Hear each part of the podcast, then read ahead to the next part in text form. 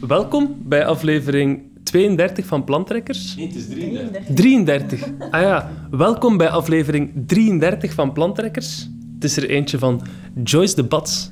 Hallo. Je hebt een stuk gemaakt voor plantrekkers. Zijn er dingen die je moet vertellen voordat mensen luisteren? Het is een gesprek met een vriendin van mij, Helene Klaas. En ze vertelt over haar moeder. En waarom wou je daar iets over maken? Uh, wacht even, hè. Ik heb daar al eens over nagedacht. Uh, ik ging dat nu weer verwoorden. ah ja, nee, ik heb zelf zo'n heel uh, afgeschermde kindertijd gehad. En ik dacht dat al mijn vrienden rondom mij zo ongeveer dezelfde kindertijd hadden gehad. Maar ik ben daar zo eens naar beginnen vragen en dat blijkt helemaal zo niet te zijn. Een extreem geval daarvan is van mijn vriendin Helene, die op zijn zacht gezegd wel echt een speciale jeugd heeft gehad. Tim Liebaert heeft ook speciaal muziek gemaakt voor dit stuk. Hè? Ik vond dat er zo wat, um, een beetje de sfeer naar boven moest komen van eind jaren 80, begin jaren 90. Zo een beetje ja, in de campen ergens. Botsauto-muziek. Ja, botsauto-muziek, ja. Voilà. Super wel, merci. Dikke merci dat je iets wou maken voor plantrekkers. Gaan we alle drie in koor dag zeggen? 3, 2, 1. Dag!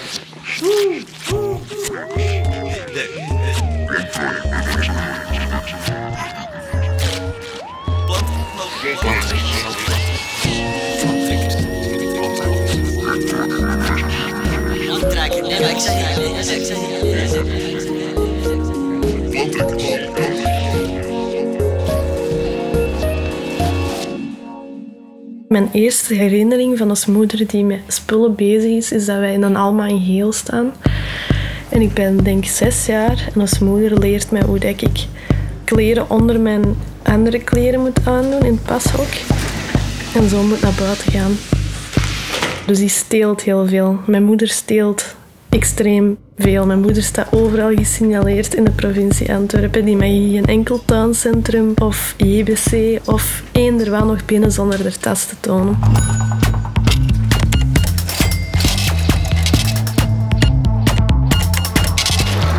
Als wij niet weten waar dat onze moeder is, is het meestal omdat ze in de bek zit. Als moeder, die is zo obsessive, compulsive hoarding dingen. Die verzamelt gelijk dat je dat alleen maar op de tv ziet. Zo in Amerikaanse huishoudens. Dus je komt binnen.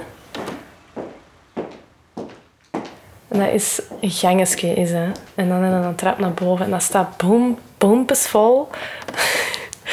Met zo van die decoratieprol. Namaakplanten. IJzeren staander met glazen kommen met allemaal van die teddybeertjes dat je aan, aan, aan je sleutelbos hangt. Kandelaartjes en dingetjes waar dat foto's op staan. Maar bij ons moeder staan daar geen foto's op. Gewoon hetgeen dat er al in zat van in de winkel.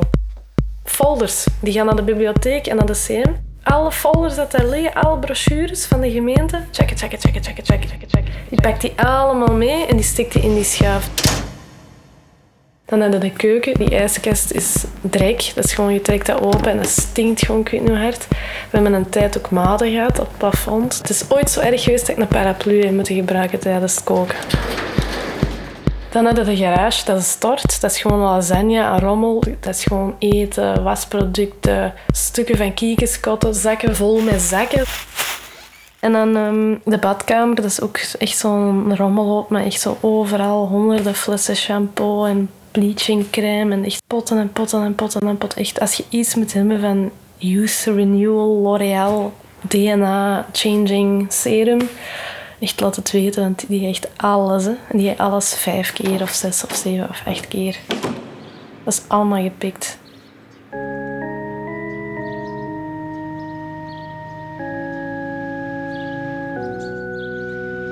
Moeder leeft in een bubbel zonder kennissen. Die heeft gewoon niemand niet. Die wordt niet omringd door normale mensen om te zeggen van hé, hey, dat is wel echt keigenant.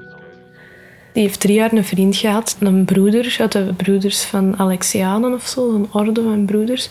Die had een roeping gehad op jonge leeftijd en die is er dan opeens vertrokken omdat hij denk ik toch niet dat celibaat helemaal zag zitten. En dat ze eigen op een datingwebsite gezet en die was als moeder tegengekomen. Die is dan langsgekomen en die was dan zo gecharmeerd door ons gezinnetje dat hij zo direct is komen inwonen. Maar je dat voorstellen. Dus uh, wij hadden echt niks anders dan anarchie. En dan komt daar zo'n ene keer een broeder van Alexiane bij ons wonen, dat ook nog eens een schoolmeester is. Die ook nog eens totaal geen gevoel voor humor had. En die zo... Zo zong die, hè. Dan ging hij zo aan die keyboard zitten in de living en dan zong hij zo... Oh, broeder, broeder Luc. Onze die was echt en die wou die echt neersteken. Hè. Ik heb die in de badkamer bij als moeder echt zo moeten opzij nemen en zeggen: Jonas, wat doe je met dat mes? En dat je zei: Ik ga nu fucker fucking neersteken.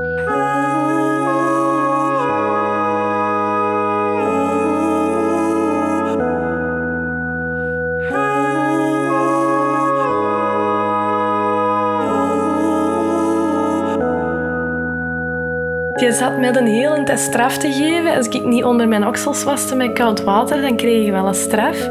Wat dan natuurlijk, allee, dat was voor mij in het begin was dat grappig. Ik dacht, is grappig, zo'n broeder die zo wat streng kon doen. Dus in het begin deden we zo nog van mee om als moeder zo wat, wat, wat te pleasen. Maar dan, na, nadat je erin trok, was dat echt... Dat was een goede gast, maar die had gewoon zo ja, geen gevoel voor humor. Dat was echt zo'n missionaris die zo beschaving bij de wilde kwam brengen. Zo voelde dat echt, dat er al van die inboorlingen waren. Toen hij vertrok, het laatste dat hij niet gedaan is, die als 10 euro gegeven en die zei, gaat daar maar een frit mee halen. En dan was hij weg. En onze moeder die was eigenlijk ook blij, aanvankelijk. Want dat was zo'n droge eikel, dat hij ook wel opgelucht was dat hij net dat kot was. Dat was ook zo'n ding, dat hij elke keer als hij naar de keuken ging, staken we alle drie onze middelvinger op. Omdat hij zo hard de sfeer kon verpesten.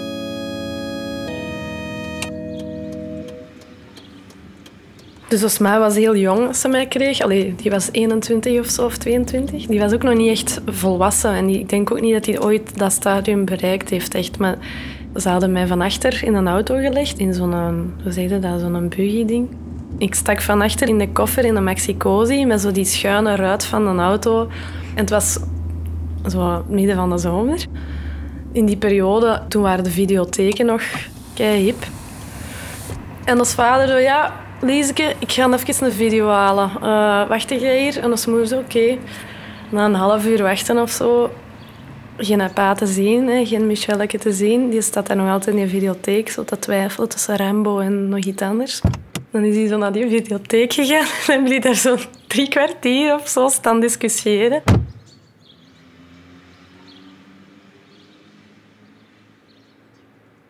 En dan uh, ineens hadden die dat door van fuck, die kleine ligt nog in de koffer. Dus die dan uit de videotheek gelopen.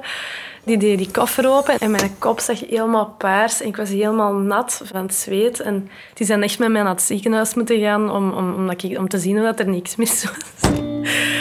Ja, ja, toen, ik denk dat er toen zoiets in mijn hersenen is afgegaan, zo'n soort van rode vlag. Van nu moeten echt uh, gaan, gaan, uh, gaan groeien. Zo. Kom aan.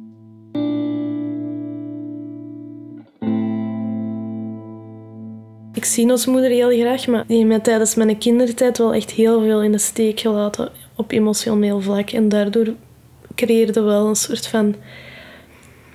Allee, je begint je echt wel van een hele vroege leeftijd af te zetten tegenover je moeder. Dus je zoekt ook naar andere manieren om te zijn in de wereld die niet zijn gelijk je moeder.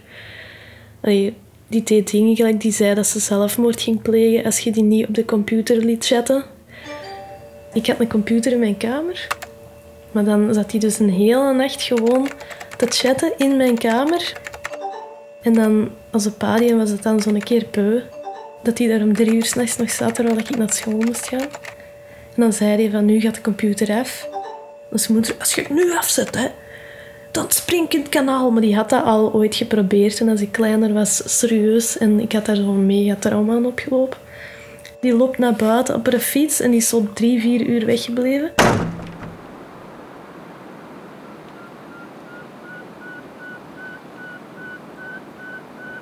En dan kwam die daar gewoon zo grijnzend terug aan de deur staan. En zei hij, zeg, zijn zelfs niet achter mij gaan zoeken.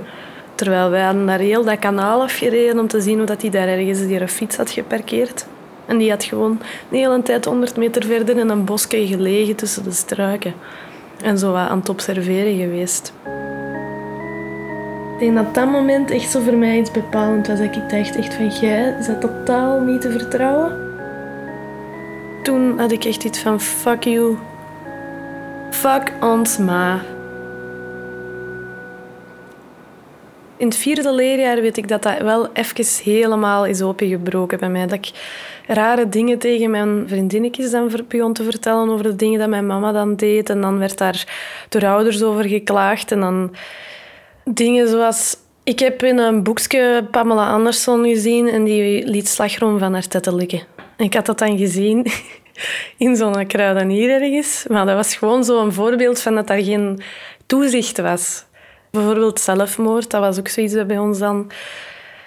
Dus dan zei ik van ja, uw mama kan ook zelfmoord plegen of die kan ook ineens dood zijn. En dan meisjes kwamen dan terug naar hun thuis en die begonnen dan, waren dan heel bang dat hun mama dat ook ging proberen. Ik denk dat ik wel heel veel verdriet had en dat ik dat gewoon, ik weet het niet, ik voel mij geen slachtoffer. Want Osma was Osma. Je kunt je moeilijk, als je een kind bent, voel je daar niet slachtoffer van. Dat is gewoon hoe dat de dingen zijn. En omdat je niet anders kunt, denk ik.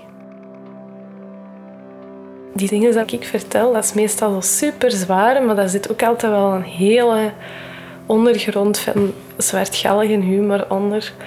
Dat wel echt heel leuk is, dat ik met niemand anders niet kan hebben. Ik kan daar ook alles tegen zeggen, tegen ons moeder. Die weet ook heel snel wanneer dat er met haar een beetje gelachen wordt of wanneer dat er mensen zo hun eigen het vergapen zijn op hoe dat die is. Die houdt heel graag de schijn op voor andere mensen, terwijl die kent geen andere mensen, maar gewoon zo hypothetisch. Wij kunnen het ook wel heel rap terug bijleggen. Al moet dat wel altijd van mijn kant komen. Ik moet dan wel onze moeder in keer vastpakken. Want toen ook die dag dat ik ze zo hard had gescheten had, de ochtend daarna, waren we terug ruzie aan het maken. En dan dacht ik, zeg, kom, dat gaat toch niet, kunnen niet zo verder blijven doen. Dus dan, denk ik zo, heb ik ze van achter besprongen. En dan heb ik de tieten zo vastgehouden. En dan zeg ik, kom aan, moe. Kom aan. Geef mij een pak slagen. En dan moet hij zo lachen. Of dan zegt ze zo, jij niet, jij niet. En dan pak ik die zo nog harder vast.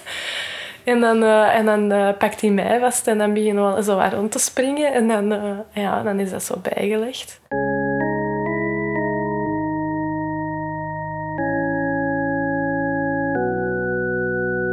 Ik had wel tantes en nichtjes en zo. En die hadden ook wel het niet altijd gemakkelijk. Die hadden dan tegenovergestelde. Mijn tante Annie was veel te overbeschermend tegenover de dochters. En um, ik was dan eigenlijk wel blij dat ik dat niet had, want dat vond ik precies nog angstaanjagender. Om ouders te hebben die zo je vrijheid willen afpakken. Ik was als kind al heel hard gezind op mijn goesting kunnen doen en vrij kunnen zijn. En vooral geen autoriteit moeten pikken. En dus is mijn nicht dan zei van ja, ik mag dat niet of ik mag dit niet. Ik vond het echt totaal onbegrijpelijk dat uw ouders er iets over te zeggen hadden. Wie zou nu zeggen, oké okay, Moeke, ja, ik zal bref naar huis komen om tien uur. Ik zal vooral niet naar die vuif gaan. Ik zal vooral niet gaan drinken. Wie doet dat nu? Dat doet toch niemand?